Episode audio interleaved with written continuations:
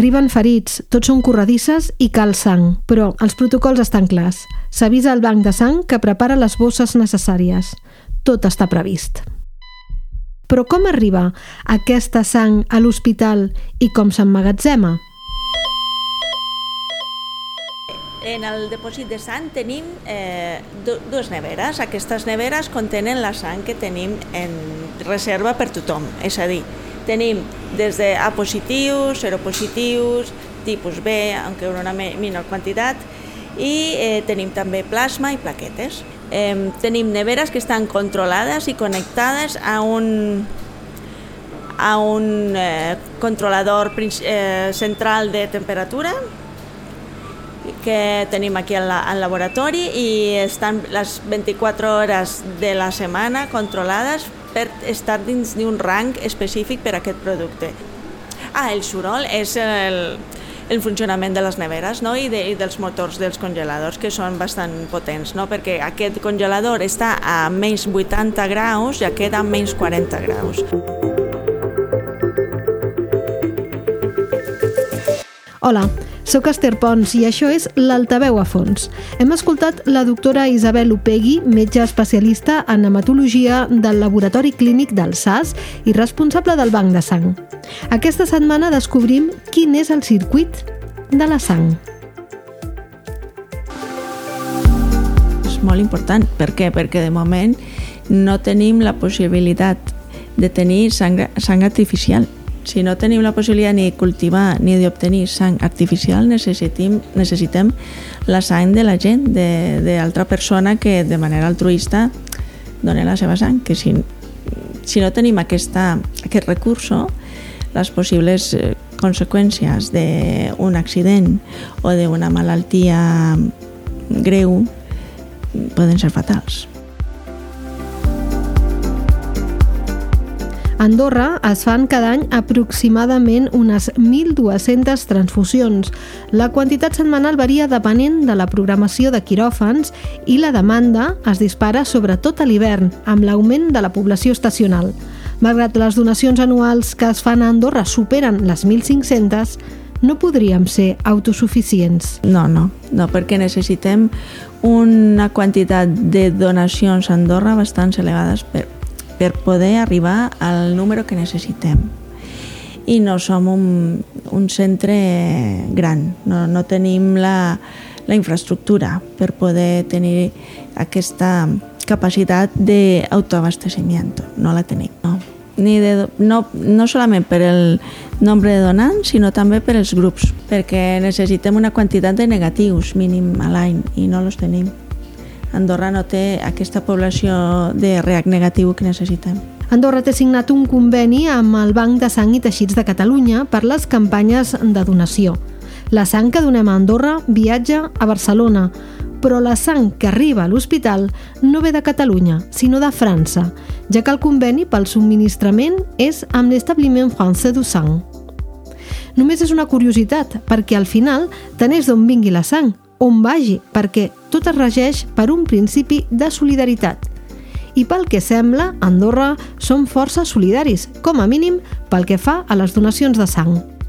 La Creu Roja organitza les campanyes conjuntament amb el SAS i el Banc de Sang i Teixits de Catalunya.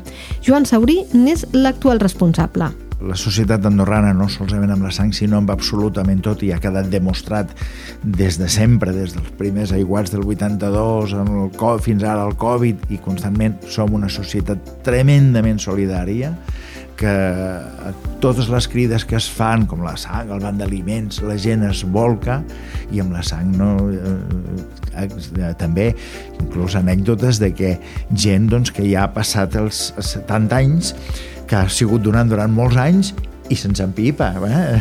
Com que ja no puc donar sang si encara me trobo bé? Bueno, és el que marca la normativa, però que la gent és molt solidària i, i, i sempre tenim i, i comptabilitzem els nous donants que anem tinguent any a any i, i molt bé, gent jove de, a, a, a cada donació hi ha una miqueta de, de diferència sí. Qui pot donar sang? O millor dit, qui no en pot donar? Això li ho he demanat al director de Lleida del Banc de Sang i Teixits de Catalunya, el doctor Juan Manuel Sánchez Villegas. Bàsicament se necessiten mmm, varias coses, però la primera, la primera, la primera, pues, està bé de salut. Aquesta és la fonamental, no tenir cap malaltia important o cap malaltia greu. Ser més grans de 18 anys, entre 18 i 70 anys, fer més de 50 quilos de pes i el que diem, estar bé de salut. A vegades no és només trobar-se bé, sinó, per exemple, no haver-se fet algunes exploracions, per exemple, persones que s'han fet alguna colonoscòpia pues, tenen que esperar uns mesos, o persones que han fet viatges a països que considerem de risc de determinades malalties transmissibles i que per seguretat els diem mira, tenim que esperar tants mesos que hagis tornat per veure que pots fer una donació. Aquests són els requisits eh, per ser donant. Així i tot, després la sang passa per altres filtres. Andorra s'organitzen 5 campanyes de donació de sang l'any. La Creu Roja posa la logística, el banc de sang porta un metge i el transport i el SAS i col·labora emetent els certificats perquè el producte pugui sortir del país amb la recollida de residus i també amb personal d'infermeria que hi participa per recollir mostres de futurs donants de moll de l'os. De la sang que donem, què n'obtenim? Quan fem una campanya de donació de sang, sempre se, se, d'aquesta aquest, bossa que extraiem, d'aquests 450 centímetres cúbics que normalment eh, traiem, se separen tres productes. Un és els globus vermells, els altres són les plaquetes i els altres és el plasma. I on va? pues va cap a Barcelona.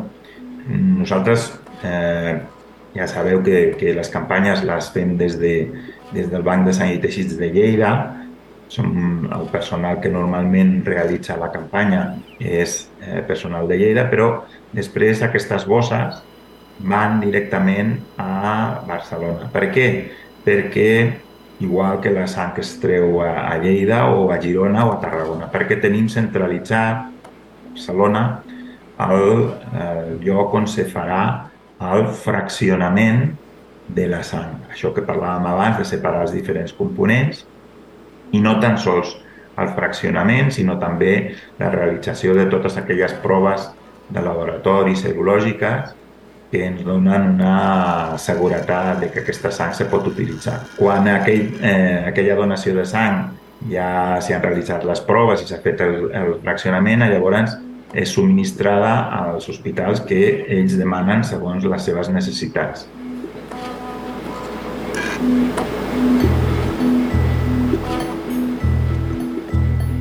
Ja hem dit abans, però, que la sang que arriba a Andorra no ho fa des d'aquest centre de transferència de Barcelona, sinó des de Toulouse. De tota manera, el funcionament és el mateix i ens fem una pregunta. Els hospitals, i per fer-ho més concret, l'Hospital de Meritxell paga per aquesta sang? La doctora Upegui ens ho respon. La donació és un, un acte altruista i s'ha de respectar això. Doncs el, el centre de transfusió que rebre aquestes donacions no, no pot fer negoci amb aquesta sang, òbviament, no? Simplement el té que cobrar el seu treball, és a dir, els, els, el que és eh, l'estudi d'aquesta sang, és a dir, per descartar que no hagi enfermedats contagioses, infeccioses, perdó, que no hagi VIH, hepatitis, res. Doncs té que testar aquesta sang. Eh, també té que separar-la, la té que fraccionar, la té que, eh, té que valorar si el producte és òptim o no. Eh, té que posar una bolsa, un anticoagulant, és a dir, que, que el procés que fa com centre de transfusió eh, té un cost, clar i és, és aquest cost el que després se, se trasllada al, als depòsits com nosaltres, com tenim que pagar una factura per, per aquest procés. Però és simplement aquesta part, només. Cada producte té un preu diferent, però una bossa de sang a França el 2018 costava uns 121 euros i a Catalunya una bossa de sang total costa ara mateix uns 151 euros. Hi ha productes que requereixen més elaboració i, per tant, són més cars. Com calcula l'hospital la sang que necessitarà? Mentre faig aquesta pregunta, me'n ve una altra al cap. La sang caduca? La sang solament després d'una donació eh, dura 45 dies, generalment, amb, el, amb el proveedor que tenim actualment i, i, i, en, i en Espanya també passa el mateix. No? Si dins d'aquest rang de 45 dies no s'utilitza la sang, la tenem que descartar generalment la tenim que incinerar, no? la sang no se pot tirar en qualsevol lloc, se té que incinerar. Intentem que no, no arribar a tenir que descartar sang, i en realitat lo tenen molt calculat. Per tant, és important fer una bona previsió de les necessitats. Sempre tenim un, una reserva, però aquesta reserva és més que tot dirigida eh, a les urgències, no?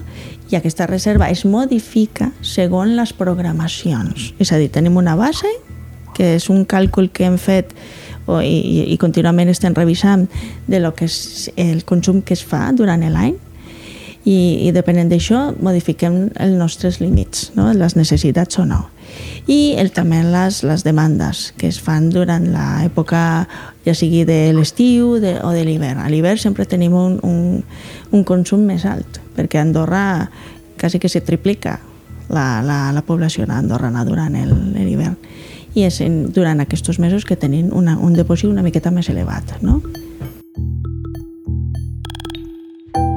Però no és només saber la quantitat, sinó el tipus de sang que necessitarem. Eh, és, és, és el que tenim que fer cada any, no? revisar el, el, el consum no? i els donants que tenim aquí disponibles a Andorra. A veure, Andorra el que predomina són els zeros i, el, i els A positius, com en tot arreu. Eh? i el consum de negatius es fa principalment eh, en les urgències, no?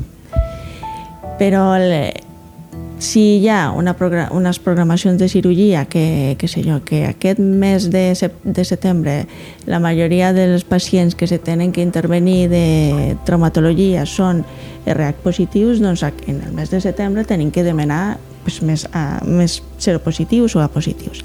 Si al mes d'octubre ja s'invierte aquesta demanda, pues ja tenim que demanar pues, més negatius. És molt variable, no? però de, és depenent de la necessitat de les programacions. La doctora Upegui ha remarcat que reserven els negatius per les urgències. I és que tota la sang és valuosa, però n'hi ha un tipus en concret que ho és més que la resta. És el zero negatiu. La pega és que només un 7% de la població ho és. El doctor Juan Manuel Sánchez Villegas, director a Lleida del Banc de Sang i Teixits de Catalunya, ens ho explica. El zero negatiu serveix per tothom, mentre que tu, una, una persona que sigui A positiu o AB positiu o A negatiu, només pot transfondre-la a un subgrup determinat de persones. En canvi, el zero negatiu pot ser administrada d'entrada a qualsevol receptor. Quin és el problema de la sang? Moltes vegades les persones, quan rebrem una transfusió, o inclús les dones en els embarassos, ens sensibilitzem. Vol dir que creem anticossos en contra d'aquella sang que hem rebut. Per vèncer moltes vegades aquesta situació de persones que estan sensibilitzades, utilitzem majoritàriament sang que és negativa, que és zero negativa, que no té aquells antígens i llavors es pot transfondre amb molta més tranquil·litat. Uh -huh. I també hi ha una situació més de, la, és la ràpida utilització del zero negatiu quan hi ha una situació d'extremada urgència que no permet el realitzar cap tipus de prova. Si hi ha una situació d'un accident de tràfic o alguna situació excepcional que no ens dona temps a nosaltres, al banc de sang, de realitzar les proves per veure el grup sanguini del receptor, pues, ràpidament agafem un zero negatiu que sabem que no ens donarà problemes amb molta probabilitat. I avui dia, on són necessàries les transfusions? Els accidents, les, el, les fractures, les hemorràgies digestives, eh, els tumors, els pacients oncològics, no? eh, són els pacients que més necessiten ser transfusos aquí a Andorra. A banda dels avenços de la cirurgia, cada vegada menys invasiva, també hi ha tècniques que busquen minimitzar les transfusions. Existeixen programes com el PBM, el Patient Blood Management, que in, eh, la intenció és preparar aquests pacients que tenen una cirurgia programada i si és possible una valoració en consultes per mirar que no estan anèmics ni res, de recuperar els pacients amb anèmia abans de la cirurgia I aquesta preparació evita i evitaria bastants eh, episodis de transfusió que són innecessaris. És per això que a l'hospital estem implementant aquest programa. Ja, ja de, de por si la, els especialistes ja ho fan. Ja preparen els seus pacients, ja valoren que no tinguin anèmia, que estem bé a nivell de la coagulació, d'hemostàcia, que estem en condicions correctes per, per suportar una intervenció. Ja el que estem és donant un nom, no? S'està fent un... Eh, s'estan est, establint eh, circuits eh, específics per per llevar aquests pacients a una cirurgia sense necessitat de transfusió. No? El que és imprevisible són les urgències. Quan arriben, truquen a la doctora Opegui.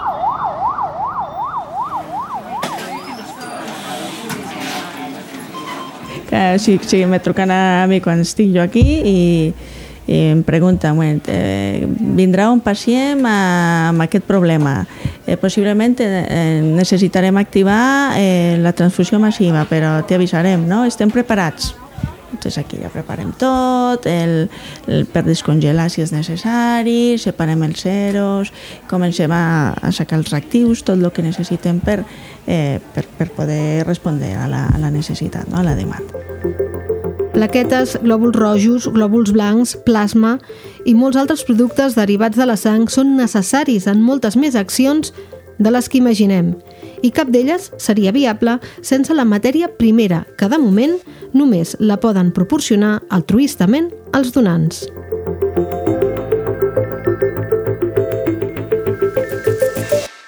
Això ha estat l'Altaveu a fons. Aquest episodi ha estat realitzat per qui us parla, Esther Pons. Espero que us hagi agradat. Si ens escolteu a través de l'Spotify, no oblideu donar-nos estrelles i comentar l'episodi si us ve de gust. Nosaltres tornem dimecres vinent amb més històries.